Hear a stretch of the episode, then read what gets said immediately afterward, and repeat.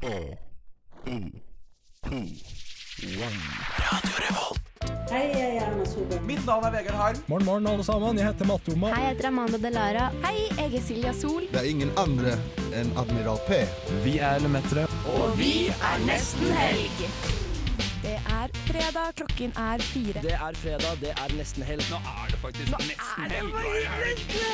Endelig! Vi tar deg med ut av den kjedelige uka og inn i den deilige helga. Nesten helg. God dagen, god dagen, elskede kjære lytter, og velkommen til nesten helg. Eh, mitt navn er Morten, og jeg skal styre denne skuta i dag. Og med meg i studio så har jeg Aurora og Nora. Yes, um, som dere kanskje merker, så er det et litt annerledes mannskap i dag. Sondre og Nora. Nei, ikke Nora, hun heter ikke Nora, hun heter Marie. Marie heter hun. Sondre og Marie er Det er borte. ikke så lett å holde styr på alle de blondinene. Nei, alle de blondinene. Ja. Men uh, ja, hva, hva er det de driver med egentlig? Marie hun er i Oslo på helgebesøk. Hun er på en eh, helgebesøk en uke. Ja, ok. Og Sondre, han er syk. Han er syk. Ja. Men Mm. eh, det, til det Uvisst dere slags sykdom, men jeg ser for meg en forkjølelse. Altså, sånn, hele kollektivet mitt er i hvert fall ute med en forkjølelse. Var nettopp ute med det selv. Kjempesynd på deg. Mm. Uh, men uh, hvis du frykter at det at Sondre og Marie er borte, fører til en mindre god sending, så, det, så kaster du bort energien din. For her skal du faen meg gå unna. Ja. Uh, vi skal snakke om eh, eh, dramaet som har tatt over internett de siste, den siste uka. Hailey eh, oh! Bieber-drama. Ja, Jeg Gomez. syns det er litt spennende. Det er Jeg spennende. så nettopp en post om at uh, Kylie Jenner har mista en million følgere. Men det er over til Det er, det, er mer, det- det er mer enn det, tror jeg. Hun har mista ja. mange følgere. Uff, en teaser. Det her kommer vi tilbake til. Ja, og det blir matnyheter, det blir uh, Hvor er de nå? Studenten, you name it. Uh, vi snakkes etter første låt. Her kommer Amazon med Kanan, eller motsatt. Hei, jeg heter Linn Skåber, og dere hører på Radio Revolt. Vi er tilbake, og jeg lurer på, Nora, hva har du gjort siden sist? Ah, siden eh, sist. Så vi har nesten hatt en litt sånn derre radiopause. Vi har ikke eh, hengt så masse sammen. Eller- Ja, vi har ikke sett deg på kjempelenge, det er nitrist. Det var faktisk ganske trist. Det var veldig hyggelig å få sett deg igjen. Mm. Men eh, selv om jeg ikke er fullt oppmøte, så enda lenge siden jeg har sett den siste. Nei, det har vært et mandagsmøte, og så har vi bare ikke hengt som jeg sa. Jeg bare kjenner at det faktisk det, det har jeg merka.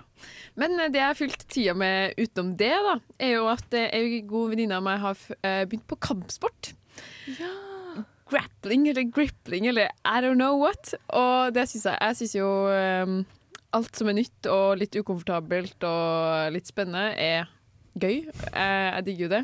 Så vi har, jeg kaster meg inn i den her grappling-verden på en sånn treningsstudio på Lade. Og det er så morsomt å være der, for det, det er veldig mange sånne derre 15-16-åringer de trener liksom i sånne thai-boksing-shorts, og de er så inni det. Og de er, de er sykt flinke, det er veldig imponerende, men det er bare sånn der, det er en aura der, da. Og jeg syns det er så gøy. Kampsporten heter grappling. Eh, det er mer sånn MMA og eh, thaiboksing, og så har okay. man sånn øving på øver man seg på grappling. Da. De er- sitter oppå hverandre og skal liksom bryte ned på gulvet. For jeg føler ordet grappling høres ut som om man på en måte sitter oppå hverandre og Ja, bryter på du gulvet. gjør det. er Jeg skjønte ikke hva det var først. Jeg. Så, eh, Nei, jeg føler bare ordet grappling gir meg sånne assosiasjoner til nettopp liksom det. Mm, Mm, aggressiv klemming. ja, ja, men faktisk, det, det, det er det beste beskrivende ordet jeg har hørt, eller setningen jeg har hørt om det.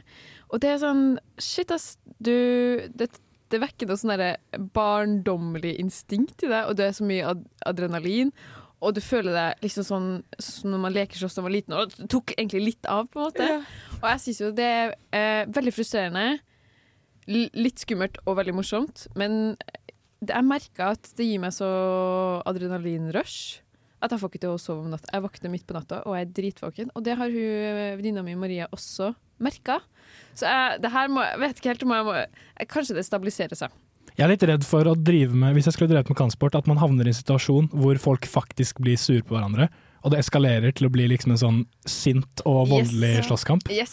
For hvis jeg skal være litt fordomsfull, så ser jeg rundt på den befolkninga av eh, folk som, som er på det her treningsstudiet. Og det er mye sånn derre Som ser ut som sånn derre Som var en type som kunne ha slått gjennom på byen, liksom. Ja. Jeg, det, jeg tror kampsport tiltrekker litt den typen. Det er en veldig sånn manosfære-adjacent aktivitet. Yes, it is. Det er veldig lur ting å ha i bakhånd, da, hvis du, Du, får det, liksom det et føler jeg faktisk. Å bare ha det litt eh, eh, i. Eller Ja. jeg kunne ha Ja. Bare ta det med en headlock og gi litt kokos. jeg lytterne, men jeg visste bare et sykt bra Det er bare Jeg er veldig, jeg er egentlig veldig dårlig. Det er egentlig veldig bra at ingen ser det. Så kan det høres ut som jeg er bedre enn det. jeg tror kanskje ditt beste kort hadde vært å lære seg å løpe skikkelig fort. Nei, jeg tar tro på at noen hadde Jeg, klart å jeg tror faktisk jeg, jeg, har- jeg har veldig sånn indre styrke. Men Aurora, hva, hva har du gjort siden sist? Vi har jo nesten helga kanskje aldri hørt hva du har gjort. eh, Gjort generelt. Nei, det tror jeg ikke. Nei, jeg har ikke tatt radiopause. Jeg har vært med, hatt radio på Rådløs. Shout-out, uh, hør på episoden vår. Nei da. Uh, men ellers så har jeg egentlig vært eh, Jeg har vært bortreist i helgen, og da har jeg fått besøkt litt besteforeldre og sånt. Så jeg har også fått lest litt. Eh, og så har jeg på en måte blitt skikkelig bevisst på én ting, og det er eh, eggløsning. Um, fordi det, er visst- det styrer visst ganske mye uh, i dette patriarkiet. Altså kvinners eggløsning. Oh, ja. Uh, ja, I dette patriarkiet? i dette patriarkiet. okay, hvordan, fordi hvordan? når kvinner har eggløsning, så blir de behandla bedre av menn. Og, ja. så, så hvis du er i et forhold Det er liksom forska på at hvis du er i et forhold, og når du har eggløsning, så vil på en måte kjæresten din være snillere mot deg og gi deg mer kjærlighet. Men tror du at vi utsonderer noen hormoner, eller er det noe atferdsmessig vi gjør når vi har Og, og, og hvordan forsker man på det her, liksom? De, du tracker sikkert eggløsning, og så tracker du sikkert hvor snill kjæresten din er. Men så har de òg sett at på måte strippere på eggløsning får mer eh, penger. Men så er det jo sånn, hva kommer først, høna eller egget? Det er jo Eh, kvinner nei, ja, men Ja. da- ja. Ja, høna eller ja, det er. Det er gøy. Men kvinner, liksom, de, det er jo hormoner, og menn plukker visst opp på noe sånn lukter og hormoner og sånt, men så kan det hende at og kvinner føler seg bedre når de har eggløsning. Ja, Men- fordi det var det jeg tenkte på. Da. Så Ja, hvordan, det- hvordan, det hvordan kan du isolere det at man føler seg bedre? Fordi Mm. hvis du føler deg bedre, så tror jeg man får en oppfatning av uh, den samme interaksjonen som bedre. Ja, sant, og man er kanskje mer selvsikker og mer en bedre versjon av seg sjøl.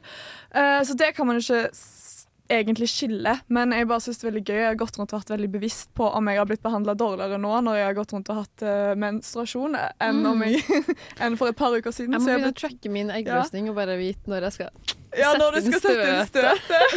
Men er, er det sånn at man eh, nå, er, nå tror jeg Det er nå er det fare for at jeg fremstår som veldig Ja. ignorant her. Ja, Men er, det- er det sånn at man bare kan bli gravid når man har eggløsning? Ja. Ja, egentlig. Altså, Og sånn, hvor- Det er det hvor stor eh, periode har man da. Jeg skyter veldig hardt inn, ja, men det er jo ikke det. Men det er da det er mest sannsynlig. Så for eksempel dem som prøver å få barn, da. De eh, må jo liksom time veldig å ha sex rundt eggløsning på en måte akkurat klokka da og da og da, som forskning har vist. Og jeg er føler bare at det er veldig spennende at det er når damen er på sitt mest fertile, at hun blir liksom opphøya, og at det er da det er bra å være kvinne, er når man er fertil. Det liksom bygger under det her sånn babymaking. Skikkelig Eh, ja. evolusjonsdeterministisk. Ja, jeg vet det! Jeg sånn synes det er litt sånn Det er babymaskiner her. Ja. Men Betyr det at menn blir behandlet bedre jo lenger de går mellom hver eh, load? da? Oi, men, Hvis du har en ja! smekkfull pung, liksom, så blir du ja, men, er, men jeg, jeg føler sånn Er, er det noen sammenheng mellom ja. Nei, det tror jeg ikke. Jo, jo, jeg har Fordi der er det jo liksom derre Der er det jo en sånn EVS-maskin, er ja. ikke det? Eller kan tenke alltid behandler bra. Er det en EVS-maskin? Nei, det er ikke en evighetsmaskin. Nei. Det er en uh, maskin som uh, bygger seg opp i løpet av kanskje sånn noen timer, da. Men en annen, annen liten time, ja. fun fact i forhold til det, at kvinner, nei, menn skiller ut mer testosteron når de er rundt kvinner med eggløsning. Og så, så det blir sånn alltid sånn Veldig sånn morsom sånn her Bluetooth av ja. hormoner, liksom. Det er veldig gøy. Ja, så det har jeg tenkt på en del i det siste, da. Ja. Hva med deg, Morten, Morten? vil du skyte med det? Altså, Nå spør du meg, så da må jeg frem eh, lista mi, så jeg husker hva som har skjedd denne uka. Ja, Rola, har- du har jo ikke vært med så masse på Nesten helg, men Morten er veldig glad i å ha et lite manus på telefonen sin. Jeg har, jeg har disse punktene her som jeg viser deg på Men nå. jeg er ikke litt redd for at frontallappen skal bli mindre når du ikke klarer å huske ting på egen hånd. På en måte. Eh, jo, men det kan jeg gjøre i andre situasjoner. Det var et pyttestikk, altså! Altså, jeg, jeg, kan, jeg kan huske ting på egen hånd i andre situasjoner, men akkurat når jeg er på radio, så har jeg lyst til å ha punktene Ja. foran meg, fordi jeg husker dårlig. Husker lite av livet mitt, liksom. Ja, jeg skjønner. Men ja, jeg var jo på en eh, konsert med Hedda May på fredagen. Hun som var innom oss og prata litt. Yes. Det var dødsbra. De låter jo helt, eh, helt konge. Så det var en eh, kul opplevelse. Veldig ergerlig at vi ikke fikk noe SoMe-content med henne forrige sending. Nei, det var men, faktisk helt uh, katastrofalt. Når jeg så Ja. videoer av, du sendte ut av konserten, det var så kult. Ja. Jeg tror det hun kom til å ta skikkelig av. Det tror jeg. Og da er det fett å ha den eh, jingelen fra åh, Ja. før hun ble tok av, liksom. Ja, Eller vi, har vi har jo vi har intervju, da, så det er jo kult. Ja, Men uh, ja, så det var en super opplevelse. Det låt så bra, det bandet, og det var så mye energi, og det er kul musikk, så det var helt supert. Uh, Shit, vi har, vi har jo prata lenge. Jeg skal, jeg skal rushe gjennom. Jeg var på en innflytningsfest hos Victoria og Isak, som du også var på. Ja, det var en veldig gøy fest. Det var stor stas. Jeg har laget hjemmelaget det her er en liten flex da, jeg har laget hjemmelaget uh, shoyu ramen. Ordentlig. Nei. Jeg var, har vært på Buran og kjøpt tang. Du, kan ikke vi ha en, eh, en eh, eh, åh, hva, hva skal du si? Ramenkveld? Er det sånn man Jeg vil også uttaler koieramen, som folk sier? Å nei, koie er koie, tror jeg. Det her er S-H-O-Y-U. Så det er en sånn Så en ramen-challenge. Du lager din, jeg lager min. Vi inviterer noen. Å ja. Så det ja jeg, tror, jeg tror du blir ganske grusa der, altså. Jeg, jeg, jeg, smakte, jeg smakte på ramen min, og var som vet du hva, det her smaker akkurat som den jeg fikk servert på fucking Og det, ja, det er ikke overdrivet engang. Men nå har vi jo babla i en liten evighet, så jeg tenker at vi kan fyre på med en liten låt. Vi hører Nelly Moore med In My Head. broke up with me over the phone in 25 seconds. We accept the love we think we deserve. You can't be a whore all your life, man. Nesten helg singelklubb.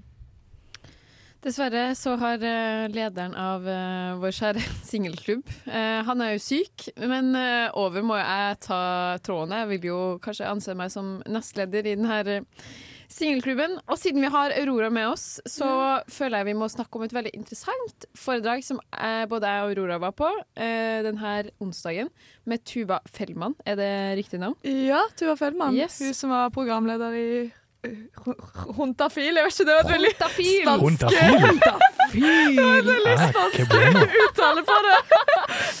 Que bueno. Er, er Stavangers litt sånn derre uh, Eh, litt ja, det er det òg. Men så har jeg òg hatt spansk eh, på videregående alle år, så Så jeg, jeg må føle seg inn litt her og der.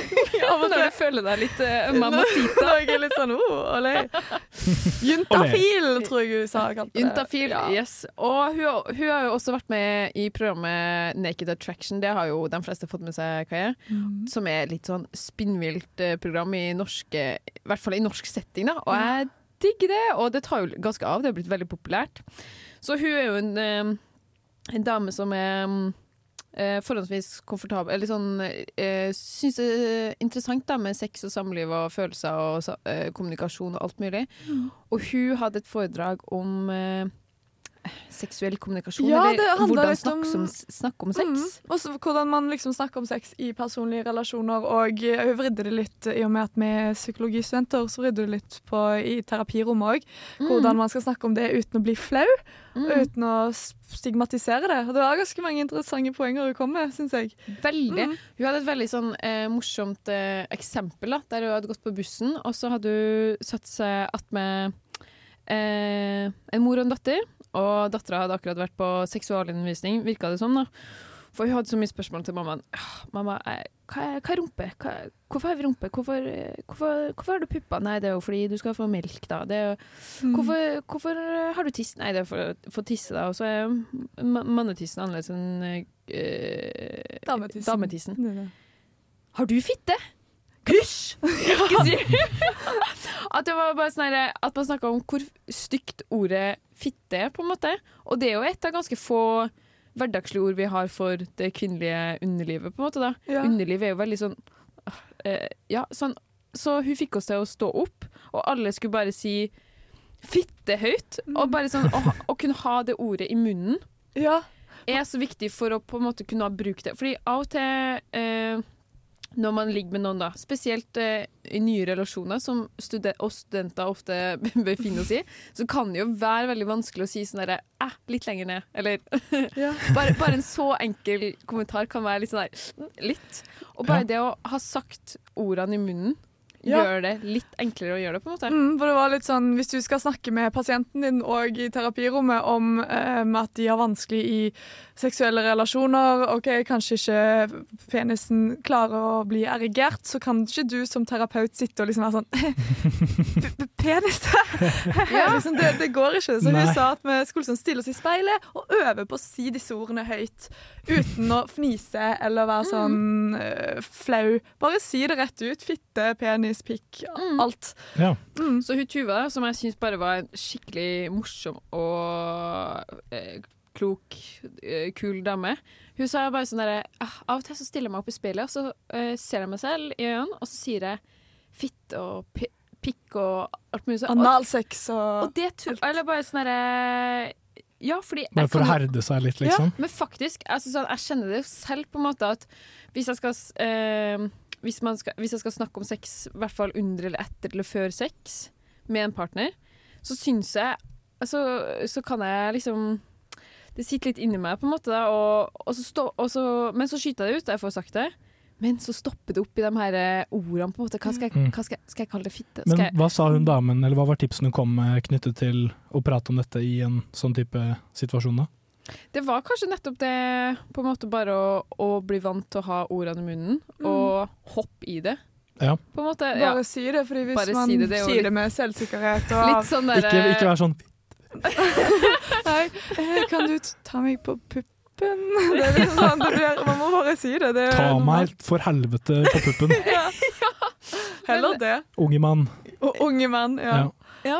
Nei, det var veldig spennende. Hun hadde òg masse, masse gode sånne analogier om Snakk om fetisjer, at det er mye forskjellig er normalt. Men så likte hun ikke ordet 'normalt'. Så ville heller at man skulle si mer eller mindre vanlig. Fordi normalt er så hardt, for hvis, hvis noe ikke er normalt, Mm. så er det unormalt. Og å være unormal er sånn så utrolig Ja.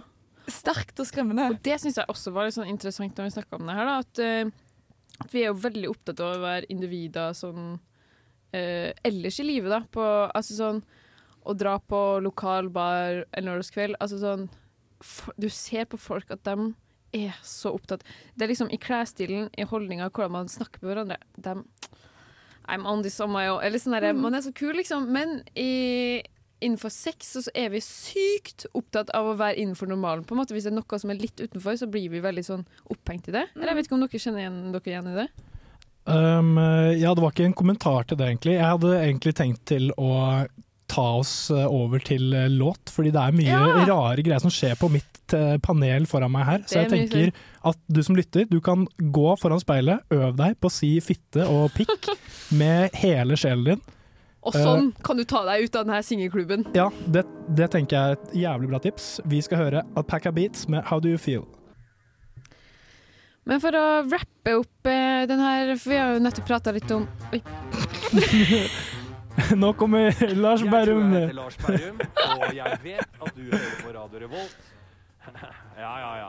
Nå er, nå, nå er Fy faen, Lars Berrum skal- kommer busende inn som et godstog fra siden. Ja, du ser det er jeg som prøver å rigge Lars Berrum. Nei, men For å rappe opp denne lille singelspalten Det er jo ikke egentlig singelklubbspalte, men kanskje sånn eh, sex og samliv-spalten, da. Eh, hvordan er det med deres eh, seksuelle kommunikasjon? For det er jo hakket vanskelig når man ikke er i forhold, kan jeg se for meg. Ja, jeg føler man Reflekterer du over din eh, seksuelle kommunikasjon, Aurora? Jeg merker at eh, det, det er lettere når man har fast partner, å kunne begynne å liksom si litt ting, for da merker man jo kanskje på kroppsspråket hva partneren liker, og hva du sjøl liker at partneren gjør. Mens på ons og sånn, så tror jeg ikke jeg er dritflink til å være sånn Sånn, gjør det sånn, eller gjør det sånn.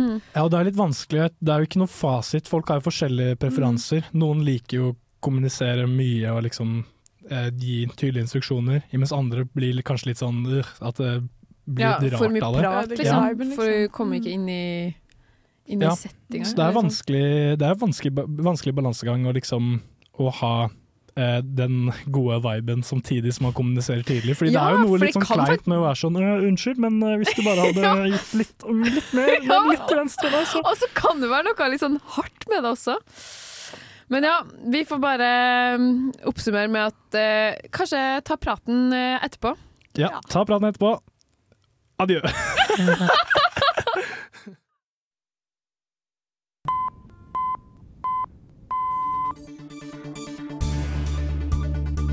This is breaking news brought to you by Almost Weekend here at Radio Revolve.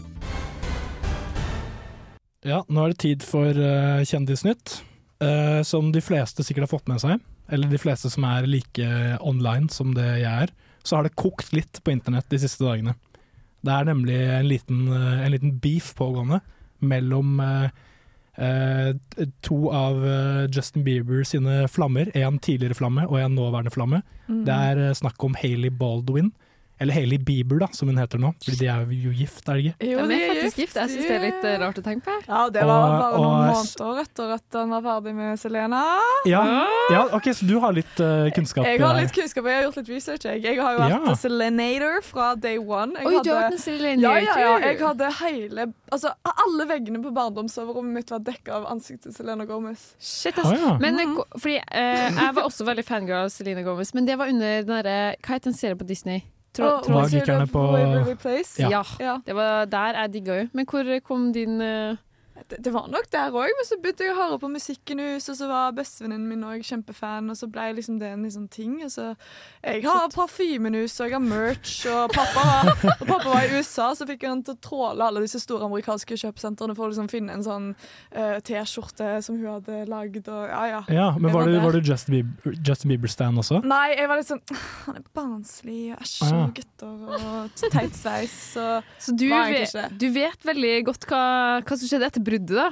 Ja, jeg vet litt, men ikke Jeg har, jeg har ikke gått sykt dypt inn i det Lauren, fordi i og med at det skjedde i 2018, og jeg tror min fangirl-era var vel i sånn Da den dabba det 2011 litt av. til 2014, typ. Mm. Ja. Ja. Men eh, det, de, eh, den saken folk er i harnisk over på eh, sosiale medier, det er det at eh, Hvis jeg har forstått det rett, da, så er det sånn at Selena Gomez hun har litt, slitt litt med sykdom og sånn. Hun har en autoimmun sykdom som heter lupus. Mm. Som, eh, og med eh, hva er det heter da? medisineringen hun går på mot denne sykdommen, den gjør at man legger litt på seg. Mm. Og for, Så- så, man blir litt sånn oppblåst og sånt i ansikt og sånt. Har Ja. Mm. Så hun hadde posta eh, Nei, det hadde hun ikke. Det var en paparazzi som hadde tatt et bilde av Selina i badedrakt. Hvor hun eh, Hvor folk mener at hun så Det så ut som at hun hadde lagt litt på seg. Ja, God forbid! God forbid. Herregud! Um, og så hadde Hailey Baldwin posta et eller annet sånt Ja. hva, var, hva var det hun Hun, hun hadde posta en uh, video sånn, eh, det var, Selena fikk masse hate fra internettroll om at hun hadde lagt på seg osv. Og, så videre, og så Mm. noen dager seinere så kom det en uh, TikTok-video hvor uh, Hailey og um, Kendall Jenner og en annen Justine Sky, som er to modellvenninner, de hadde Mm. lagt ut en TikTok hvor de på en måte mima Uh, en sånn sound hvor de sa I'm not saying she deserved it, but God's timing is always right. Og dette Mm. hadde jo fans blitt sånn Wow, det er sikkert Men jeg skjønner ikke helt eh, Jeg skjønte ikke helt uh, stikket, på en måte. Hva, hva Ja, ja, fordi det er en interessant ting med den Ja. saken her. Det er liksom uh, veldig subtile Eller sånn Hailey Baldwin er jo bare sånn Nei, nei, det er jo ikke, det er Ja, ikke ja. retta til Celine Gomez der. Mm. Men likevel så er det jo millioner av mennesker som er sånn Nei, 100% du thrower shade. Så hva er det som gjør at folk kan være så sykt sikre Ja, på for- at de kaster Fordi, fordi skygge på det hun sa, var sånn derre at uh, det var ikke hennes Ja, så eller sånn, folk er kan si at det ikke er hennes skyld, men Nei, altså den sounden, den TikTok-sounden, hun mener jo Hailey jobber på forskjellige forskjellige ja, at, at. God's timing is always right, at hun fikk som fortjent. Typ. Ja, OK. Men uh, tingen er, er jo nettopp det at siden uh, Bieber slo opp med Altså Justin Bieber slo opp med Selena Gomez og gifta seg med Hailey, så har egentlig fansen i stor grad satt de som fiender. Mm. Uten at eh, Man vet jo ikke hvor store fiender de egentlig er IRL. De har jo lagt ut bilder sammen hvor de har sagt at 'it's all love between us', de to jentene. Men Ja. så er jo internett jævlig glad, som du sier, å plukke opp sånne subtile tegn og lage masse korrelasjoner. Og, For det er jo Mm. døds... Mm. Altså sånn jeg hører, jo- når jeg hører på noe, jeg syns jo det er dødsspennende. Jeg, jeg, jeg liker jo å leve på en livsløgn om at de er harniske eh, Erkefiender, liksom. erkefiender, Ja. liksom. Men, men folk er jo helt Eller eh, hvis det, det har jo vært sånn Folk har jo valfartet fra Instagram-følerskaren til Hailey Bieber til Selena Mm. Gomez. Det er flere millioner mennesker som har sluttet å følge Hailey Ja. og gått over til Selina. Så det er jo et stort stort sett med mennesker Men som har nok kunnskap om denne Lauren her til at de tenker at det er urimelig annet og noe annet enn at de kaster Ja. shade på hverandre. Men denne eh, nyheten mangler jo også en side. Fordi det er ikke bare de her to. Det er jo også Taylor Swift i Ja, bildet. Fordi det Fordi, mm, ja, det har jeg kan ikke du oppdatere oss? Ja, fordi det, det var jo én ting. Det, altså, det er jo BuzzFeed og sånt lager jo timelines, så jeg kan hoppe over et par. De har noen poenger innimellom der. Men så Det er jo kommer helt det komisk. Ja, det er helt komisk. Kommer det i februar, dette skjedde i januar, da, i februar i år, så eh, legges det ut en sånn gammel video på TikTok fra eh, når Hailey Baldwin leda den her, eh, et sånt show hvor eh, hva, Grab, grab the mic-type show. Jeg husker ikke helt hva det heter. Mm. Men uh, at Et eller annet eh, sånn eh, show, talkshow, ja, det er noe talkshow. Det, Ja. det, det, jeg tror det heter Skal vi se uh, Ja, hun var programleder Ja, på Drop the Mic heter programmet. Og da hadde eh, noen sagt at ja, nå kommer noe Taylor Swift-sang, og så hadde Hailey Baldwin lagd en sånn her spyansikt og liksom sånn tatt fingeren i munnen. Altså, Mm. eh, sånn spyansikt, og så hadde den liksom blitt blåst opp på TikTok og sånn. Med den kontekst at Hailey Baldwin er en mean girl, en bitch osv. Men det er jo ganske dramatisk å gjøre, da, å gjøre, lage et Ja. spyfjes på TV Mm. Av at en sang blir introdusert. Ja, og det hadde Selena kommentert på sånn uh, My best friend, altså hun hadde skrevet at So sorry, my best friend is and continues to be one of the best in the game. Og kommentert litt på en del av disse videoene av fans som kaller Hailey for en bitch. Det har liksom Selena vært litt sånn he-he, ja. På en måte. Mm. Så det har det, Der er det litt Det støtter jo på en måte litt teorien om at Mm. det faktisk er litt uh, kaldt blod mellom dem. Da. Ja. Ja, dette her er jo meget interessant, Det er og det fortjener fortjener å bli Det fortjener to stikk, tenker jeg. Ja. Så jeg tenker at Takk vi for at du delegerer det til oss, Ja. Morten. eh, Den, vi- det er programleder. Dere, dere får høre mer om dette juicy dramaet etter at vi har hørt Ebony Riley med Deuce Deuce. Hallo, jeg heter Emma Steinbakken, og du hører på Radio Revolt. Ja, vi er ikke ferdige med å drikke av denne deilige, rykende tekoppen. Fordi det er mer, det er mer detaljer, og det er mer juice. Um, hvor, var det vi, hvor var det vi slapp? Jo, fordi vi slapp vel det med at uh, Selena Gomez har fyrt litt opp under det her uh, hatet mot Taylor Swift og dette imaget av Hailey og hennes venner som mean girls. Mm. Og som du sier, at Selena Gomez har jo nå blitt verdens mest uh, uh, fulgte kvinne på Instagram. Å ja. Ja. Hun, er, hun har mer følgere enn disse Ja, hun har mer, Kardashian-ladiesene? mer av alle. Har Selena Gomez- Selena Gomez uh, Wow. jeg For tre dager siden var hun den mest fulgte kvinnen på Instagram. Ja. Og så ta, sa hun at hun skulle ta en pause fra sosiale medier fordi hun har blitt 30 år, er for gammel for dette, uten å spesifisere hva dette er. Ja. Ja. Hun, faen, Selena Gomez er 30 år? Ja. Oh my god. Jeg, ja, vi er gamle. Eller jeg er gammel. Jeg skulle til å si Jeg, følte hun kunne vært eldre. eldre. Ja, jeg òg. Men hun var kanskje helt sinnssykt ung når hun spilte Magikerne på Waverly Place. Ja, jeg så for meg uff, da er hun sånn 17-18 år, fordi de spiller jo ofte eldre enn de egentlig er. Ja, hun er født i 92. Ja. Mm. Der ser du. Da gir du mening at hun er 30. Ja, det gjør veldig Hvis hun er født i 1992. Det gir veldig mening at hun er 30. Mm. Men jeg, jeg har også hørt at det er en del folk som har gått ut på sosiale medier som har vært og eh, underbygget disse, denne teorien om at Hailey er en mean girl. Ja. At hun hadde vært en litt, litt sånn bully på high schoolen sin. Der blir jeg litt for, for, fordomsdømmende. Ja. Men jeg, jeg bare sånn modeller generelt, og spesielt hun har, har jo veldig sånn De har jo veldig sånn apatiske ansiktsuttrykk ofte. De skal jo være litt sånn For eksempel, jeg husker jeg leste et uh, intervju med Victoria Beckham i Toppbladet da jeg var liten, og hun bare sa sånn I motens navn, med respekt for moten, så uttrykker jeg ikke ansikts, øh, menneskelig uttrykk, fordi du skal liksom, det skal være litt seriøst. Dette skal- handler ikke om meg, skal dette bære- handler om Du skal bære Det med respekt, da, på en måte. Aha. Og da fikk jeg sånn herre Å, det er så kaldt at jeg får helt avsmak. Og Jeg, jeg, jeg overfører veldig mye av sånn her type greier til den herre modell, modellskaren her, på en måte. Og i hvert fall Hailey Bieber har også veldig sånn Det er jo sånn det Resting uttrykket- bitch face. Ja, det uttrykket 'nepo babies'. Oi, hva er det for noe? Det er liksom det at du um, åh, Jeg vet ikke hvordan jeg skal forklare Du det, er født inn i rollen At du er Ja. født inn i innflytelse, liksom. Mm. Foreldrene hennes Ja. er jo ganske rike og innflytelsesrike. Ja, det er jo Så Og Selena Gomez Jeg er jo litt biased, jeg, da, som har hatt Selenator since day Selena. Gomez startet, Ja. hun bygget opp seg selv fra bunnen. Hun gjorde det! Hun hadde ikke masse rikdom og Tror jeg, hvis jeg husker rett. Ja, jeg har ingen anelse. Nei. I don't know. Men hvordan kommer Hailey Nei, Kylie Jenner inn i bildet her nå? Ah, jo, det var en eh, storypost. Og det syns jeg bare så sykt hvor mye sånn der eh, crazy oppspill de får av bare sånne enkle storyposts, enkle Ja. kommentarer. Det får liksom hundrevis av folk til å bli helt Mm. ko-ko i hodet. Men uh, fordi Selena Gomez hadde lagt ut en video hvor hun hadde skrevet at hun hadde laminert bryna sine litt for mye uten vilje. Altså hun hadde s- eh. Altså jeg tror det er en sånn Det er sånn, jeg tror det er en sånn uh, makeup-greie der man på en måte tar på noe sånn, eh, sånn hold-gelé på en måte, og stryker dem litt oppover, sånn som er Ja. Litt få, populært om dagen. for å få mer markert uh, Markerende, liksom. ja. Så Mm. går det, peker de liksom litt Mm. oppover, da, litt bustete, kan man si. Og da hadde Kylie lagt ut på storyen sin uh, og skrevet liksom sånn Was this, uh, this was an accident? spørsmålstegn Og lagt liksom skrevet det over på sitt eget bryn. Aha. Og så kom med et screenshot av hennes egne bryn og Hailey sine bryn.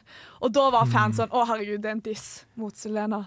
Ja, men det er jo det. Er jo det. Ja, jeg også det er jo det. urimelig å anta noe annet, er det Ja, ikke? jeg Eller- syns det. Selv om eh, Kylie var sånn Nei, nei, jeg hadde ikke sett den posten engang. Så jeg vet ikke. Men sykt lite liv de har. Hvis Mm. de skal drive og liksom blåse opp en sånn feud, Ja. tenker jeg da. Men var det ikke noe med en eller annen sånn sang som ble brukt også, på en eller annen post, som var en eller annen referanse til en Eller sånn.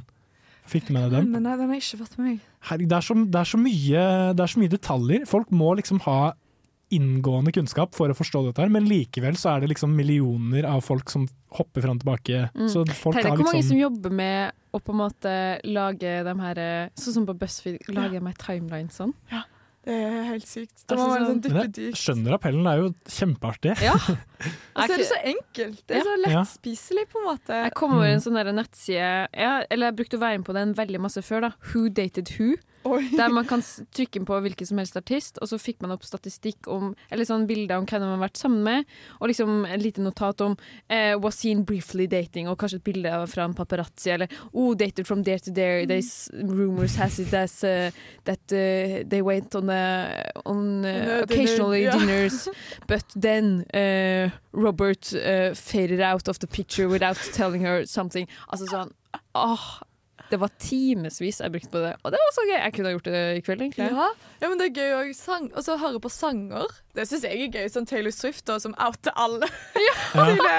altså, så Jake Gyllenhaal har jo ikke hatt det lett med No, hennes no. Nei, så Det syns jeg er veldig gøy å kunne tenke. Og apropos sanger, så er det jo en del folk som spekulerer i at uh, sangen 'Ghost' av Justin Bieber handler om hans forhold med Selena Gomez. Fordi Ghost of You er jo en sang som jeg elska uh, når av Selena Gomez Ja, var liten. Mm. og det er jo en linje i den teksten i, av Justin Bieber, 'Ghosts', den som er uh, uh, 'Then I would settle for the ghost of you'. Ja. Og det er jo ti- låttittel. Og så er det også noen folk som har uh, zoomet litt inn og brukt uh, C, CSI Enhance uh, og, og sett på nummerskiltene på bilen som er i Ghost. Der står det på skiltet SG 6 og 9. Og 6 og 9 var visst en sånn greie med Selena Gomez og Justin Bieber. Altså, sånn, det er liksom litt var sånn konspirasjonsteoriaktig, føler jeg. Ja, men sånn Det står SG69 på nummerskiltet, Nora. Skjønner du ikke hva dette betyr? Og så ble jeg også litt sånn oh my, jeg er Kanskje litt dirty-minded, men jeg er litt sånn haha, 69. Ja. sånn tenker Ja, for det tenkte jeg Det jeg, det tenkte jeg også. Sånn, hva, 6, 6-9 Det første jeg tenkte, var sånn OK, haha, de var jævlig glad i 6-9 sammen, og så er de sånn ruffel-ruffel. Ja, det, er jo- det var det jeg tenkte. Men det kan også være eh, yin-yang. Jeg ser for meg at, de, at de er litt sånn Fy faen, ass, du er min yin til meg Eller så er begge krepsen, kanskje. Er de det? Stjernetegnet krepsen. Er det symbolet for krepsen? Ja, jeg tror det. Oh, ja. Jeg har hatt smykke jeg er krepsen, jeg har et smykke hvor det står uh, i, sånn yin-yang. Uh, Det her må vi rett og slett uh... Og den siste teorien min er at de er sånn f- eh, you're, you're just like me, just in a different uh, gender. Fordi, fordi seks og ni er jo ni eh, rotert 180 grader. At, du, at de komplementerer hverandre, liksom. Ja, At liksom vi er den samme, men vi er liksom to, to sider av samme mynt. No joke. De har sikkert uh, snakka om det og tenkt på det lenge. Det skal være Ja. konseptet vårt. Og så har også Selena Gomez gått inn på sånne gamle posts av Justin Bieber, sånne er barisbilder, og likt dem. Sånn mens hun har vært sammen med Hailey Bieber. gøy! Og, Oi. og likt masse bilder av sånn, sånne obskure fansider av Justin Bieber, hvor det er bilder av Hailey og Justin sammen. Oi. Så har Selena Gomez bare sånn likt og unlika i sånn ett sekund, men folk får det med seg. Herregud, se for deg å bare alle sånne der menneskelig feil med å gå inn på eksen sin profil og så Å, kom morgen borti! Altså, sånn, det skjer jo med alle, på en måte. Ja, og Stakkars, du- hun får det opp i BuzzFeed, liksom. Jeg tenker sånn, Hvis du har en fuckings trilliard føl- følgere på Insta, at, Mm. at du tør å gå liksom og grave i arkivet til Justin Bieber, man, da? man, du, klar- man, det er jo menneskelig fake bruker. instinkt, liksom. Ja, Man må jo gjøre det. Kanskje Ja, en fake bare lag en Ja, fake bruker, liksom. Det er det. Ja, Her må du Gomez, bare- du må skjerpe deg. Du har vært på internett eh, lenge nok til å skjønne at du må ha en eh, fake bruker hvis du skal stalke eksen din. Uh, nå tenker jeg at vi har babla og babla og babla om det her, så da kjører vi på med en låt. Vi skal høre Nappy Nina, Moor Mother med Stone Soup, eller omvendt. Jeg er Jonis Josef, og du hører på Nesten Helg. Vi er tilbake, og vi har jo fått uh, en ny person inn i studio. Vi har fått med oss en ny person i studio. Vi har fått med oss Simen, velkommen. Hei. Hei, et forsiktig hei. Jeg skal introdusere deg, Simen. Vi har fått med oss um, en fellesvenn av både meg, Aurora og Marie, som ikke er med her i dag. 23 år, spørsmålstegn. 23 år. 23 år. Eh, psykologistudent. Eh, leder av filmklubben. Eh, Vidde-ekspeditør. Eh, trønder. Eh, og ansatt på Trondheims diskobowling. Men først og fremst eh, menneske. Menneske. eh, hva syns du, syns du introen passa? Veldig fornøyd. veldig fornøyd. Slapp å ta opp uh, lederskapet på egen, uh, egen hånd. og- Litt kleint å være sånn ja, jeg er leder av filmklubben. Det, ja. Hva er en viddeekspeditør? Ja, hva er viddeekspeditør, eh, Simen? Vi får si uh, forsøksmessig viddeekspeditør, i hvert fall. Um, tidlig i måneden her så dro jeg på en skitur med en kompis og hans kompis fra Finse, som er ja, nord av Hardangervidda. da. Så Ja. tok, vi, tok vi skien fatt og prøvde å gå Hardangervidda på langs. Mm. Eh, prøvd. Og så, så tok været oss, og så tok tida oss. Så da brøyt vi halvveis. Men eh, ja, ekspedisjonen ble det jo. Jeg føler jo man kan kalle seg Hadde jeg prøvd meg på en viddeekspedisjon, så hadde jeg kalt meg Ja. en, eh, kalt meg en Altså, viddeekspeditør. Det er jo egen kunnskap i å vite når nok er nok. Det er jo så mange som går på den smellen der. At de bare firer på, og så må man av gårde med kommunens penger må brukes til liksom redningsaksjonene hit, hit og Ja. dit. Så takk, Simen. Bra, Jeg vil, eh, spørre deg litt mer om hvordan man liksom Hvordan får man med seg en gjeng på en viddeekspedisjon. Men først så vil jeg bare spørre sånn, er det noe, er noe jeg mangler med introen min? Er det noe du identifiserer deg selv sånn, hva Nei, det var jo menneskedelen, da. Men, Menneskedelen. eh, men da føler jeg at hele meg er dekt. OK, hvordan, hvordan, er du som, hvordan er du som eh, menneske, Simen? Ja, oi. Uh, forholdsvis normal. I hvert fall ønsker jeg å være det. Mm. I hvert fall lever jeg nok et ganske normalt liv, sett bort fra Hardanger-ekspedisjonen. Da var Men- du litt loco. ja, eller det er i hvert fall ikke så vanlige ting å gjøre, tror jeg. Jeg har jo Eh, tatt såpass mange personlighetstester på studiet, så jeg føler du har jo Vi kan jo på en måte komme med fakta om hvordan vi er som mennesker. Ja, faktisk. Pleier du å dra opp den Nora av og til? Være sånn Eh, nei, men eh, jeg husker jeg gikk ut av en forelesning Samme Simen, faktisk. Vi hadde akkurat tatt en personlighetstest som testa litt mer sånn derre psykopatologi Eller sånn derre sånn vansker man har, da, kanskje, eh, mellom mennesker. Så jeg mm. en eh, var- dominerende, kald og påtrengende, påtrengende person. Det var, det, det var meg oppsummert. ja, jeg bare nikka og smila. Du nikka og smila. Men man kan jo bare lyve på, på personlighetstester. Man trenger jo ikke Eller sånn, gjør ikke folk det? Nei, nei, absolutt ikke. Så det er jo, det er jo et stort pro problem innenfor personlighetstesting. Da, at på en måte at settinga du gjør det for, påvirker Ja. hvordan du svarer. Skal du, er veldig mange bare- jobber, jobber som tar i bruk det, for, for eksempel. Så det er egentlig bare en veldig omfattende sånn, beskrivelse av hva du tenker om deg selv. Ja. Eller, en, Yes. eller hva du er. Og det, det kan man jo kritisere ham for. De prøver jo på en måte å, dekke opp for det, på en måte å stille eh, spørsmål mellom Eller sånn fange opp ting mellom Ja. linjene. Hvis de spør sånn 'jeg lyver aldri', og du eller sånn 'jeg lyver noen ganger', og du skriver liksom sånn 'ah, jeg lyver aldri', så er jo det et litt sånn indikator på at mm, kanskje du Mm. lyver litt. Yes. Og for å si det sånn, vi har jo tatt en del tester, og det er helt psyko hvor mye rare spørsmål. Det er sånn, min favorittpoet er Roger Stevens. Altså, er det, det er jo ingen poet, da. Så det de har lyst til å plukke opp, er om jatter du litt med, for eksempel. Da. Det er jo, for det er Jeg personen googla den poeten, jeg. Ja, ja, ja. Eller sånn derre Jeg kunne tenkt meg å jobbe som gartner. Det svarte jeg ja. Vil du Ja. ja. Hvorfor det? Uh, ja, nei, jeg, jeg vet ikke, jeg husker ikke om jeg svarte, men jeg tror jeg kunne ha gjort det. Eh, Jeg svarte ja, jeg også. Jeg svarte er nei. ja. Jeg tror det blir nei fra meg, altså. Ja, men, Ja. eh, 50% Men det sier jo egentlig en del om personligheter. Hva, hva sier du? Det, det, det, skal, det vet jo de her personlighetspsykologene. Det, det er jo It's not me. Nei, men du, du, Det hørtes ut som at du hadde en teori om hva det sier, men du har ikke det. Oh, eh, Simen, har du en teori? Jeg Oi. føler du er litt mer eh, reflektert på sånne type ting. Oi, hvem, eh, hvem liker gartnerarbeid? Ja. Enkle oppgaver. Uh, Tåle å stå i en, liksom en bare enkle oppgaver gjennom dagen. Uh, Ute. ute, I guess. Så jeg og Simen er- vi er litt enkel, traust, og- men lojal, da. Lojal, Vi er trøndere. Ja. Ja, det er jo Trondheim fortsatt. Så meg og Morten er glad i vanskelige oppgaver som utføres inne. Mm. Ja. Ja. Er Symbolisert mer, ved radioverten. Mm. Men eh, som psykologistudent, da, det er jo et veldig eh, kvinnedominert studie. Hvordan er det å være eh, mann der? Bra. Sa han og smilte lurt. Ja, Ok, ja. bra, bra he-he, liksom? Eller bra Nei, eh, nei jeg, Ja, litt bra he-he. litt, litt bra, he-he. Men eh, mest bra generelt. Ja, det er, jeg syns ikke det har så mye å si. Fordi når du er i ørkenen, så er det veldig godt med en flaske med vann. Am I right? Ja, jeg, jeg, jeg, jeg følger ikke metaforen helt, men jeg tror du vet hva du mener. Ja, ikke sant? Hvis det er veldig få gutter. Det er lite av en uh, Ja, så er det så er, det er samme etterspørselen, men uh, et lavere tilbud. Så da går Ja. prisen opp. Nei, Jeg liker jo å være eh, ja. Nei, jeg er langt ute på viddene nå. Nei, men men eh, ja. jeg tror det er noe i det at sånn, man blir jo litt mer eksklusiv som mann på psykologistudiet. og Det er jo, Mm. jeg syns det hadde vært gøyere å ha hatt et mer likestilt eh, holdt jeg på å si, studie- og arbeidshverdag. Ikke bare for det sosiale, men òg for pasientene. Så tror jeg det var Mm. bra at du valgte psykologi som mann. Det er bra Ja. med mangfold.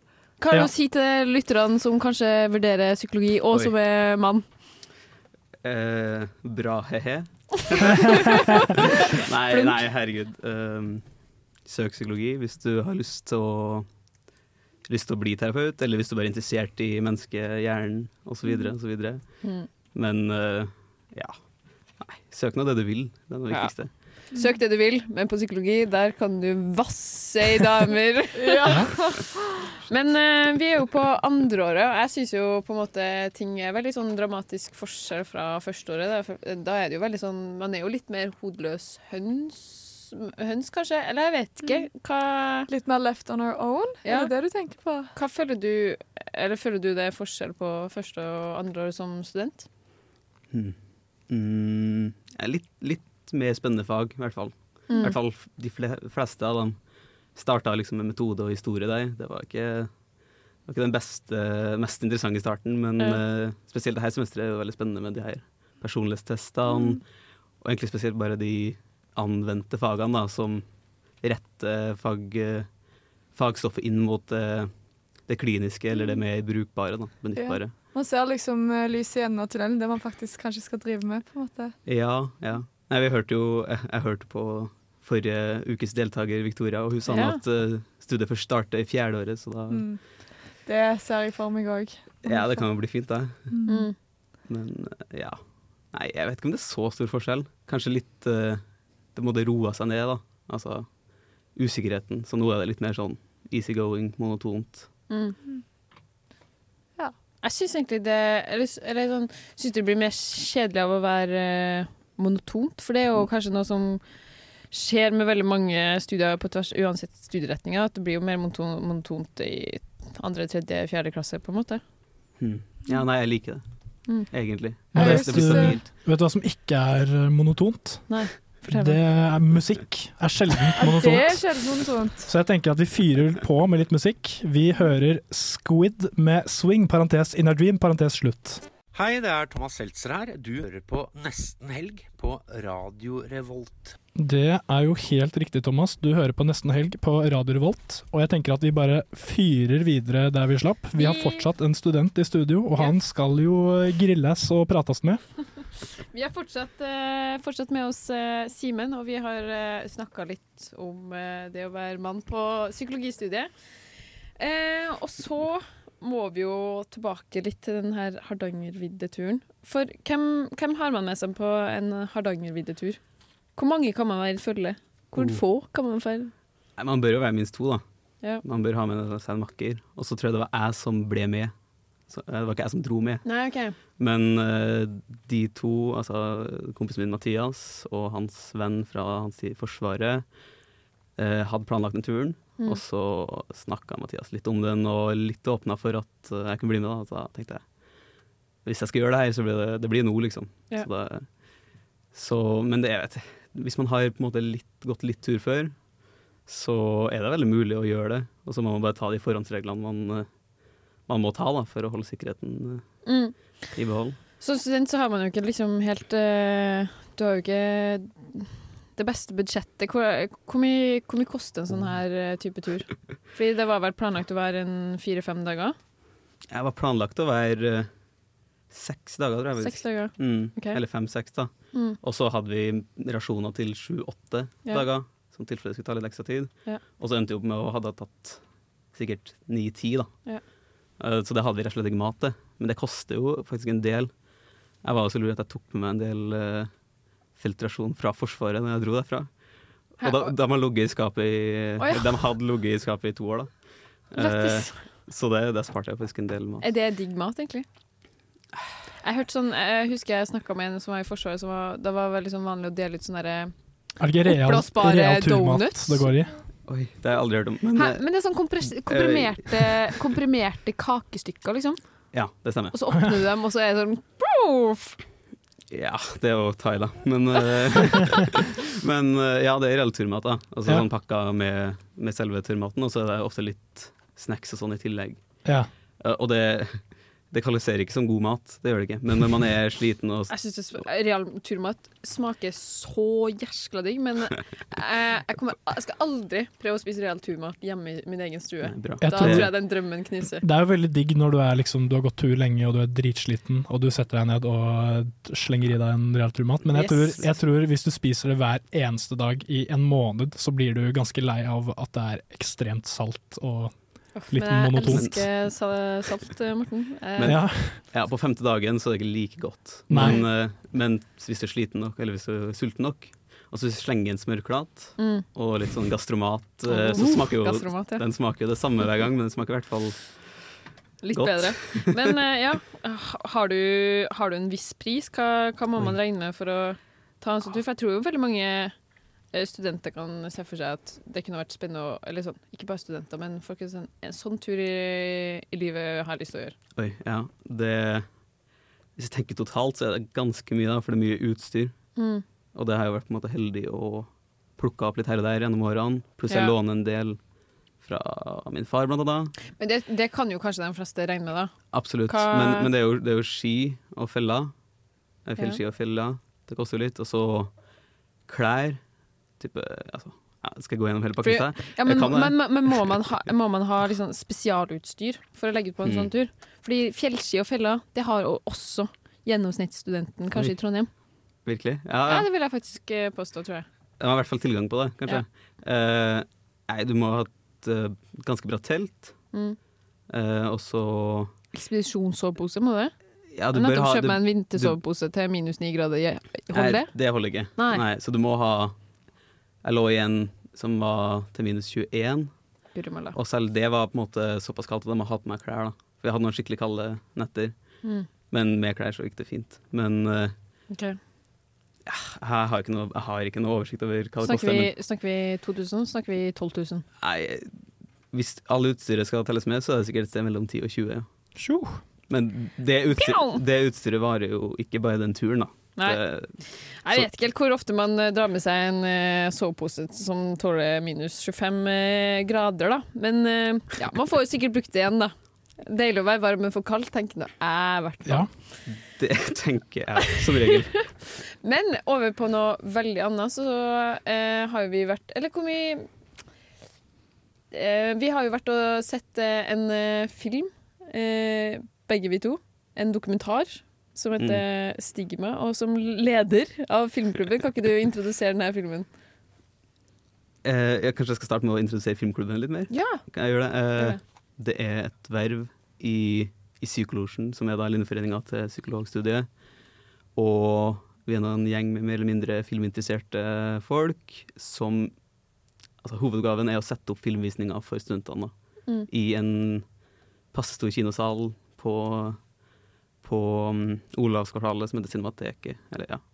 Og så i går så hadde vi en filmvisning av den dokumentaren som du nevnte, um, som Stigma da omhandler rus, og liksom den vanlige rusbrukeren, da, ikke de tyngste uh, alvorlige rusbrukerne, men de som kanskje håndterer det litt bedre, eller ja. Og det stigmaet de opplever, da, at de blir sett i lys av rusbruken sin bare, og ikke hele mennesket. Mhm. Um, så da hadde vi besøk av regissør Marius Mellem og eh, psykologspesialist Nicolai Kahn og to fra mottak- og oppfølgingssenteret i Trondheim, og hadde en liten sofaprat etter den visninga. Så det vil jeg si var Eller du kan jo bedømme, var det en suksess? Ja, det er veldig spennende. Jeg syns det er veldig fint å ha på en måte den her sofapraten, og sette av tid til å diskutere den litt, også med noen fagpersoner, på en måte, fordi man sitter jo og snakker litt og øh, kødder litt, og så drar man ting litt ut av proporsjoner hvis man Eller sånn på egen hånd etterpå, da. Men øh, hvorfor, øh, hvorfor satte dere opp akkurat denne filmen? Hvorfor ville dere ta opp det her? jeg kan, jeg kan sikkert finne på en sånn Jeg har i etterkant funnet på at eh, Eller funnet ut at det er litt lite om rus, i hvert fall. Mm. Lite nyanser om rus på studiet, så jeg føler jo det er et godt faglig påfyll for studentene.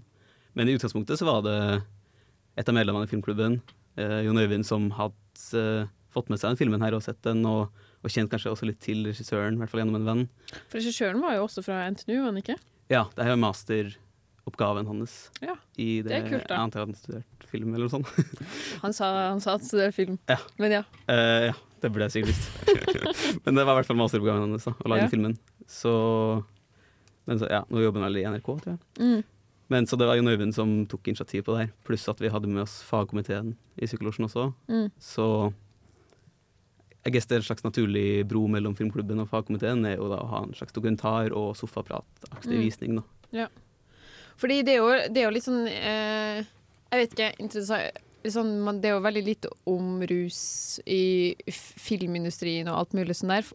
Til, liksom, til kontrast for at det er jo veldig mye rus i studentmiljøet. Det er veldig mange fester jeg har vært på der det er både det ene og det andre, og det er liksom sånn Og det blir så fort eh, på en måte normalt. da Er du på en fest der det er kokain, så går det en time, og så er det liksom sånn Så er det plutselig bare kokain. Det er bare eh, straight up, på en måte, da.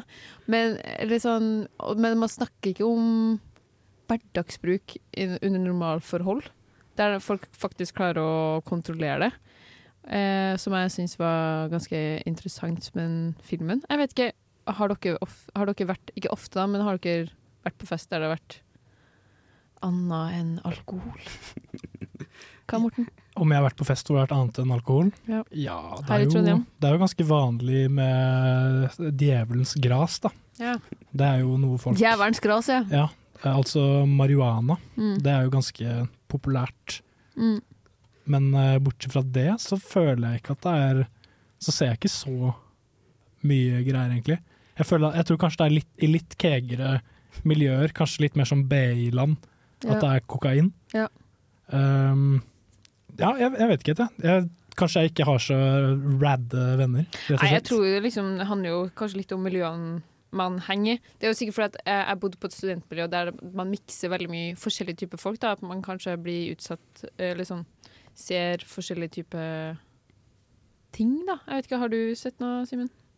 Nei, eller Jo, jeg har jo det, men ikke så mye. Jeg føler jeg hører mye mer enn jeg ser. Mm. Og det antar jeg at jeg bare har en sånn aura som lyser Mm. Jeg vil ikke ta kokain, så derfor er det ingen som spør meg om jeg vil ta kokain. Kanskje. Eller så Mm. henger jeg bare ikke med folk som, eh, som bruker de litt tyngre, da. Men, eh, men eh, djevelens gras, det, det har jeg i hvert fall. Den auraen har jeg ikke. Men man, Jeg meg det. man trenger jo ikke nødvendigvis rusmidler for å føle på gode følelser. Man kan jo f.eks. høre på musikk, da. Og, og da kan jo de samme følelsene vekkes som det man kanskje får når man tar ei, lita tår kokain.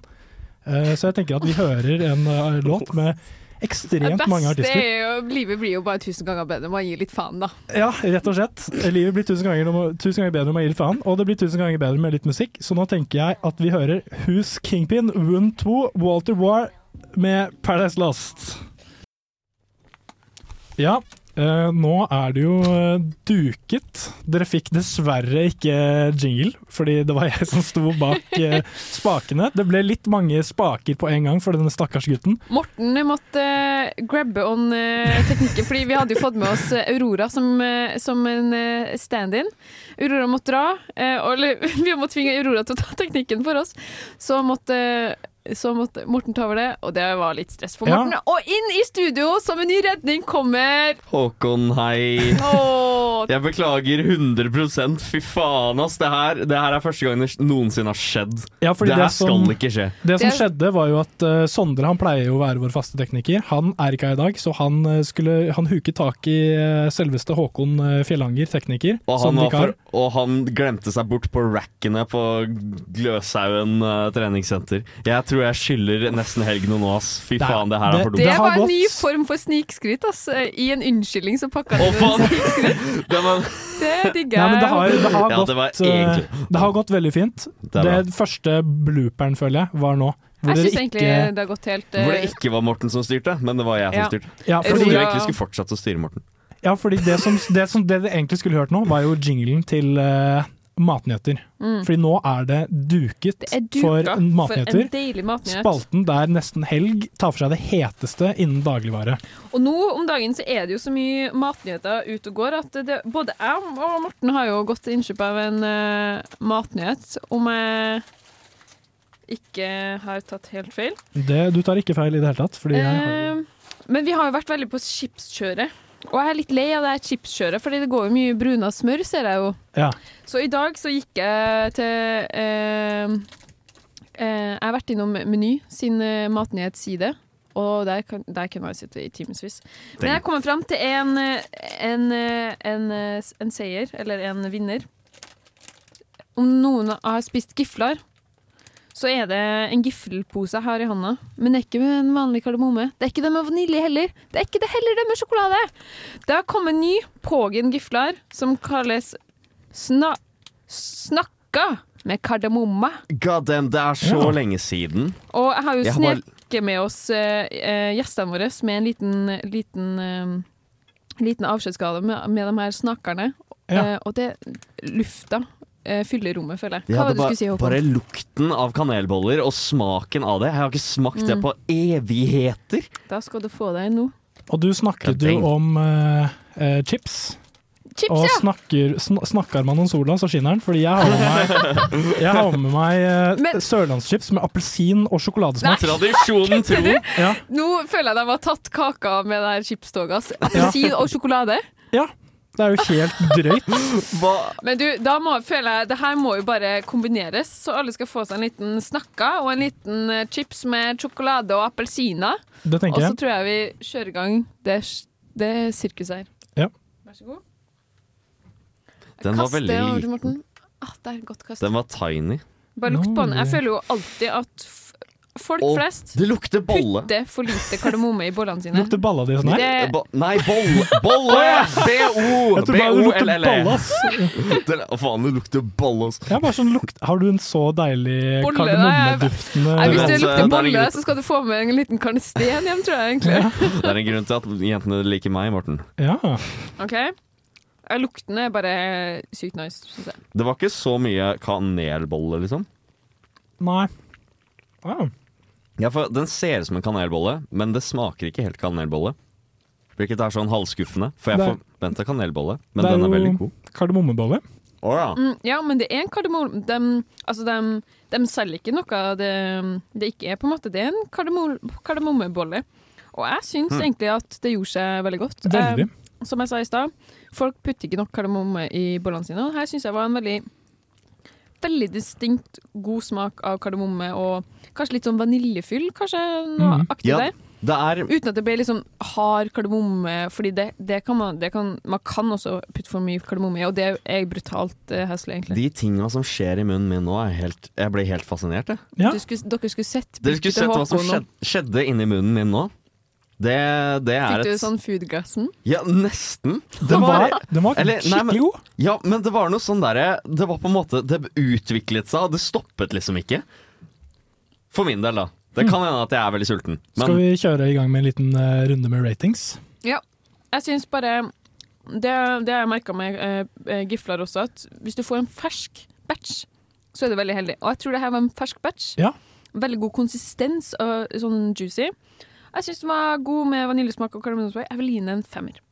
Fem av seks? Ja. Ok, jeg kaster en tiside terning, og jeg kaster Deng. åtte. Mangfold er bra. Og, og vanlig giflar er syv.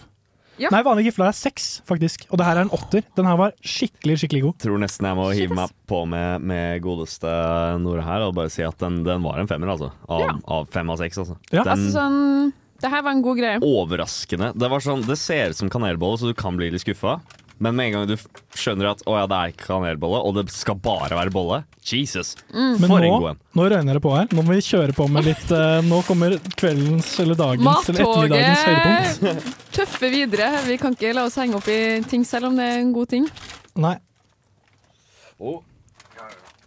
Det er litt sånn å hende ting over. Skal vi se. Det, det så ut som et bra flak. Det er Jeg, vet, altså, jeg har nesten ikke helt lyst til å smake. Jeg, er bare sånn, jeg kan ikke se for meg Ja, hva det her var det smaker, her for noe igjen? Ja.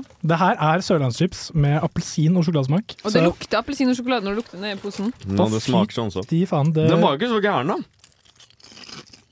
Å jo. Oh, oh. Den var litt halvveis. Oh. Mm. Nei, det her var, det her var grusomme greier, altså. Hva tenker du, Nora? Du ble Jeg er desperat etter vannflaska mi. Jeg synes Det er noe av det. Det er noe av det verste jeg har spist. Det her er, eh, Det er bare- ter, det her er terningkast én av, eh, på en tidsside terning. Det ble skikkelig kvalmt. Hva med deg? Den var, eh, den var, den var Nei, vet du hva? Én. Dårlig. dårlig. Det her var ikke two tens, det var en åtter. Kjøp den som en spøk til forspill. Ja. Ja. Ja, nå, det, vi har kastet terningkast åtte av ti, og vi har terning, kastet terningkast én av ti. Det er slettes Mm. ikke to tiere, det, men det var jo to tisidede terninger. Og nå skal vi høre Two Tens med Anderson Park og Corday. Det vi lurer på er hvor du er nå, hva driver du på, hva gjør du på? Du er kjendis, men du er glemt for lenge siden. Men vi husker fremdeles deg. Vil du komme og prate med meg på Nesten helg? Hvor er de nå, spalte? Ja, da er det klart for Hvor er de nå? Spalten der nesten helg går inn i tidsmaskinen, reiser tilbake kanskje 10, kanskje 20 år, og finner og graver opp eh, børste støv av en glemt kjendis. Mm. Um, og i dag så skal jeg snakke om Rebecca Black. Ja. Damn! Ja, fordi dere, dere husker hvem Rebecca Black er? Ja, det er lenge siden! Ja. Det er barneskolentider! Ja. Hva med deg, Nora? Har du et forhold til eh, Rebecca Black? Nei, ikke utenom eh, at, du, at du, du fant en sang av henne og spilte den på radio her for litt siden, og så ble jeg sånn Shit! Den dama der hadde jo Mm. helt eh, glemt. Hun ble, hun ble jo dritkjent for Friday, Mm. husker jeg. For den låta. Og hun har blitt hatet Hun var vel egentlig en av de første på internett som på en måte ble sånn hatobjekter. Ja. Jeg, jeg, jeg føler at jeg, jeg jeg har så mye forhold til Rebecca Black. Mm. Det var en hel periode hvor det bare var sånn der Faen, den personen lever jeg av masse. Det er jo egentlig ganske intenst, for jeg, tror, jeg føler hun ble hatt så masse at jeg så ikke på Jeg så bare på henne som en sånn internettobjekt. Ja, faktisk. Mm. Jeg er jo helt uh, psycho. Bare til å bli gjort narr av. Ja, gud av meg. Men Ja. det er litt det er, Man skal si det er litt moro å se uh, en 15-åring kjøre bil, og så eh, d- Ja, den musikkvideoen. Jeg bare Ja. husker den var så rar. Så til de av dere som ikke vet hvem Rebecca Black er, til de av dere som ikke har vært like mye på YouTube som meg og Håkon Ja. uh, Rebecca Black hun uh, gikk fra å være en helt vanlig jente i sånn åttende klasse eller noe, uh, til å over natta bli internetts mest forhatte person. Ja, det. Hvorfor, hva, hva gikk det hatet på, egentlig? Ja, det lurer jeg også egentlig litt på. At hun var dårlig til å synge? Ja. Det, ja. Ja, fordi i 2011 så lagde hun en musikkvideo som heter Friday, som var liksom en ganske, ganske dårlig låt, som Mm. bare handlet om at hun sto opp om morgenen, og at hun spiste frokost. Gotta have my ball, gotta have cereal. Og det liksom, Jeg må ja. se henne her Ja, etterpå. den, den låta den, den må du få med deg. Ja, jeg, har, jeg, har, jeg har teksten her. Det starter med 7 a.m., waking up in the morning. Gotta be fresh, gotta go downstairs. Gotta have my ball, gotta have cereal. Seeing everything, the time is going. Ticking on and on, everybody's rushing, osv. Så, så det er bare sånn Det er bare en åttendeklassing som står opp om morgenen og skal på skolen. Ja. Og så midt inni der så kommer det sånn tilfeldig rap-verse òg, med en eh, voksen fyr som, er, som bare blæster på med noen bars. Og det er også kjemperart. Men 15 år var jo en åttende klasse. Er det det seriøst? Er man 15 når man går Er det ikke 9. eller noe sånt? Ja, samme. Jeg vet ikke. Hun var hun var i hvert fall unødvendig. veldig veldig ung. Og Ja. det startet jo med at folk var litt sånn OK, den låta her suger jo litt. Og det gjør den jo. Ja. Men det utviklet seg fort til at det bare ble en sånn tornado av hat og drit. eh, og Ja, for det var kanskje sånn der, en av de første tingene som gikk veldig sånn viralt, da. Den ja. den, første, Sånn, eh, den første YouTube-videoen som nådde 100 millioner visninger. Ja, som, som Wow! Det er ganske sykt. Vil du gjette hvilken som overtok? Baby. Nei. Eh, var det Det var ikke Fred. Nei, det var Gangnam Style. Å, fy faen, hvis, hvis hatet mitt var like stort, eller sånn hatskaren min da- var like stor som Gangnam Style Men det, er- ja, men det er liksom. Det er ikke så mye hat, egentlig. Det er mer en sånn der gruppementalitet bak det, føler jeg. Mer sånn der at det er kult å hate denne personen. Ikke sant? Ja, ja. Sånn det er, jo, in. det er jo på en måte liksom sånn at den musikkvideoen her og sangen var litt funny.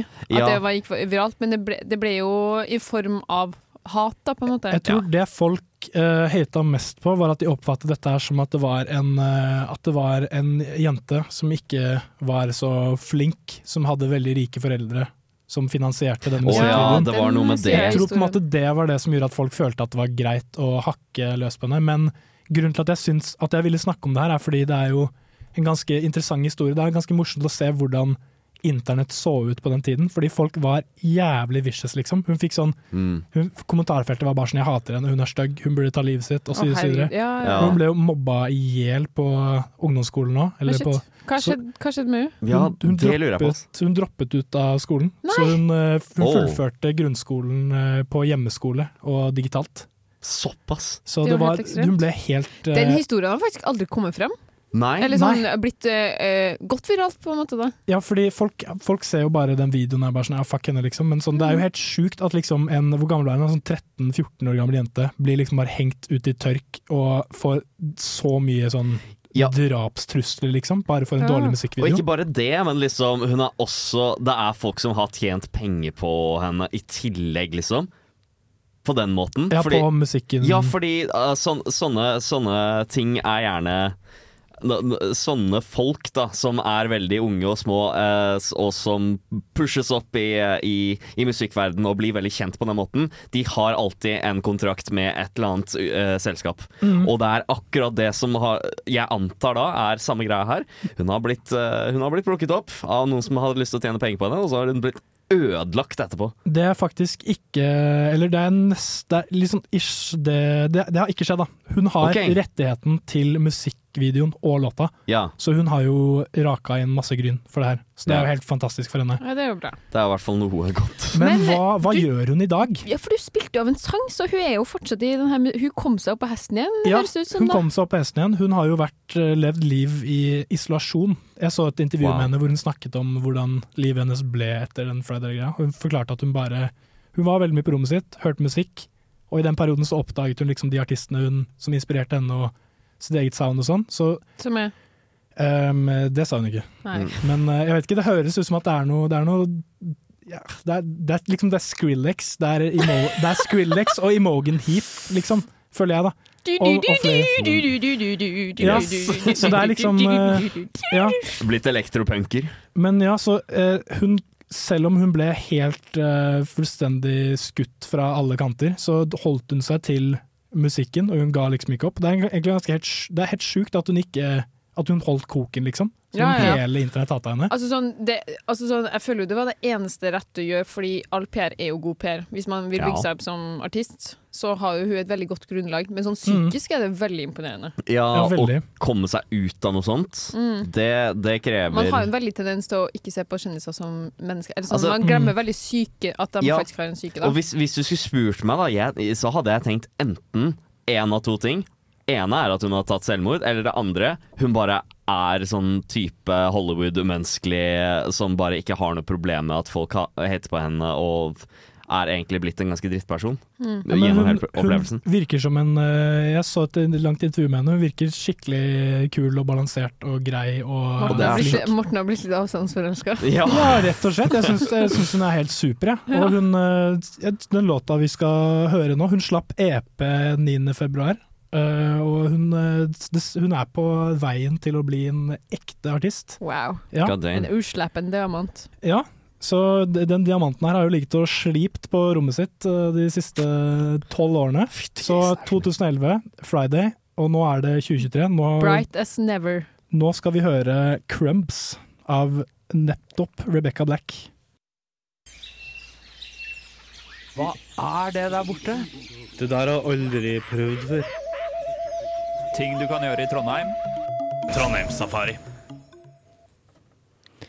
Du hører på Trondheim Safari her på nesten helg, og for å rappe opp den sendinga her, så har jeg tenkt å gi noen tips og triks til hvor man skal danse i helga.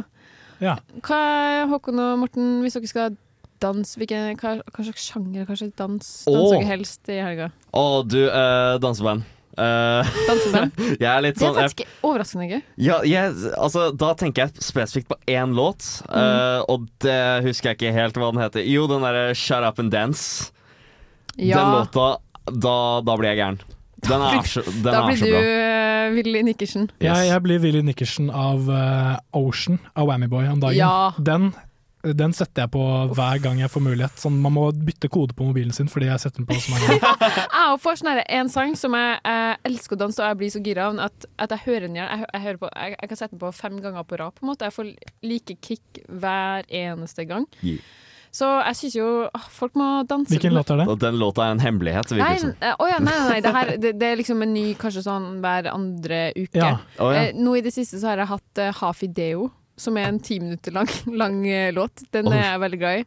Den hører jeg også på når jeg bader, for så vidt. Så det er litt sånn komisk, for den er veldig sånn derre afrobeat, kanskje, da. Eh, med litt sånn bongotrommer og sånne ting. Og du også, danser i badekaret. Også, Nei, nei, det her er ute på, ute på fjorden, eh, Håkon. Oh, ja. Så det, jeg syns jo kontrasten er litt morsom. Ja. Men tilbake til eh, hvor man danser hen i Trondheim eh, i helga, da. Em, så har jeg først eh, lyst til å Lokal er det jo som regel alltid en god DJ. Og den, i dag, i kveld faktisk, så spiller Figurati Club. Og når jeg leser på eh, liksom, eh, beskrivelsen, så tror jeg faktisk at det er nyopptatt i radioen som skal, som skal være Åh, DJ. Jagge. Etter å ha gjennomført sin pilegrimsreise til Berlin, er V. Kristi nå klar for å fylle Trondheims gate med tunge subfrekvenser og euro, eh, euforiske melodier. Og det eh, Figurati Club sitt eh, forsidebilde sier meg at det her er litt sånn eh, mørk tekno. Litt sånn uff. Eh, Chatting og lær fra Berlin. Det, liten, det, an, det anbefales. eh, Det anbefales, ja. Ja. Altså det, det, jeg, jeg har veldig trua på at musikk, musikken til en person gjenspeiler veldig den personligheten de har. Ja, du, du kjenner Jeg kjenner Vebjørn, Ja, du og han, han er er litt for gullgutt eh, til å kunne mislikes på noen som helst måte. Da må du Så- like den derre tunge elektro. Ja, selv, altså, selv om han har uh, et uttrykk som jeg ikke er så veldig enig med, da, kan man si, Mm. uh, så er det liksom de som digger den type musikken. Det ville ikke overrasket meg om du, om du, om du virkelig digger Vebjørn. Kult. Spillet. Nei, jeg skal faktisk uh, ta meg turen uh, selv, men hva vi skal gjøre i helga, det kommer snart. Ja.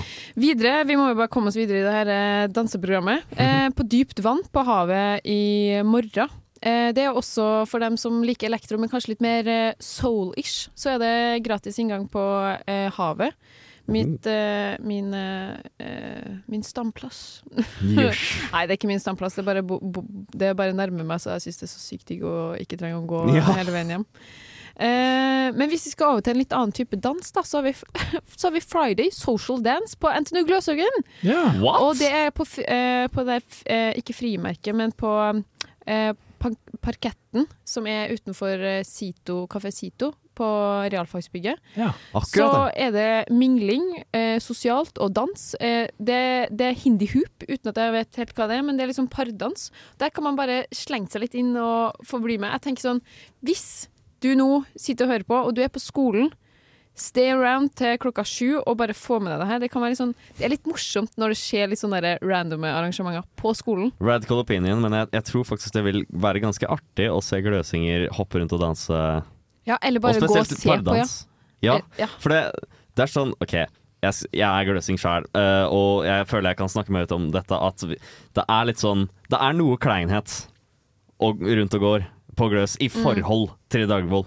Ja. Uh, og det, det å liksom ha pardans da, er litt sånn vanskelig greie, føler jeg. Mm. Når du det- føler deg klein selv i sånne situasjoner. Jeg husker ikke helt hva hinner på, men hvis jeg husker riktig, så er det også litt sånn derre Litt sånn fjollete, veldig klein pardans også. Jeg, jeg, og kjenner jeg dragvollinga Nei, gløsinga rett, så kan de jo lett sitte på, sitte på skolen til klokka åtte en fredag. Ja, de, de, det fins de som er unntaket, of course, men Siste Jeg stikk jeg vil komme innom, er at, eh, at eh, at uh, det er en masterfestival på Dokkhuset i helga, uh, der det presenteres veldig mange uh, som studerer master i musikk. Og i kveld er det folkedans, i morgen er det jazz. Og jeg ser at klokka eh, 21 eh, i kveld, skal vi se så skal Sturla Eide Sjamper Music Exum spille. Og han fordyper seg i Seterdalsspill, uten at jeg vet hva det er, men sikkert spennende. Og publikum er invitert uh, eh, og det, det skal danses det, og det her er publikum invitert til å delta. Ja, men hva er vel dans uten musikk? Det kan du spørre deg om, Morten. Det kan jeg spørre om, og det kan dere lyttere tenke over mens vi hører Aslak Meling med I slash O. Hei, jeg heter Hilde Louise Asbjørnsen, og du hører på Nesten helg på Radio Revolt. Vi er tilbake, og nå er det én ting jeg lurer ekstremt på, og det er hva skal du til helgen, Håkon? Oh my god, det er skummelt. Morten har lyst til å skal- be deg på date. skjønner, altså, fordi- jeg skal ingenting i utgangspunktet, Morten. Hvis det var det. Nei da. Jeg, jeg har faktisk ikke veldig mye andre planer enn å bare sitte hjemme og jobbe med litt skole. Lurt. Eh, det er beklageligvis slik at jeg er i en situasjon nå hvor jeg både studerer dataingeniør og uh, skriver en bachelorgrad i musikkteknologi. Oi. Ja. Så Det her visste jeg ingenting om. Nei, jeg har, jeg har litt dårlig tid for tida. Det høres hektisk ut. Så jeg skal nok, eh, for å henge litt med, da, så er jeg nødt til å gjøre litt skole. Men jeg skal prøve å kose meg på andre måter. Jeg skal game. Jeg skal Ja. spise nudler. Uff. Og så tror jeg at jeg setter meg på her i studiolokalene våre, bare for å Hvis det kommer noen innom, liksom. Ja. Du er et fascinerende menneske. Du står i treningsskjorte, og du ser jo forholdsvis ut som du er i god form, så jeg innbiller meg at du trener jevnlig. Du skriver en bachelor og en master. Du henger litt rundt her. Du er en veldig sosial type. Oi, ja, jøss. Mange takk. Nå ble, jeg, nå ble jeg veldig flattered. For det, jeg har ikke så veldig gode tanker om meg selv. Så, så det hjelper å liksom få høre det litt hardt. Bare, bare putte det ut. eh, Det er objektive fakta her. Ja, mottatt. Mm. Men Nora, hva skal du i helga? Du, eh, som Aurora sa, hun skulle jo på Fie-konsert. Eller skulle på forspill, og så skulle hun på Fie-konsert, og jeg elsker jo Fie. Så nå stakk det litt i hjertet, for jeg, eh, jeg skulle jo Oh. egentlig med.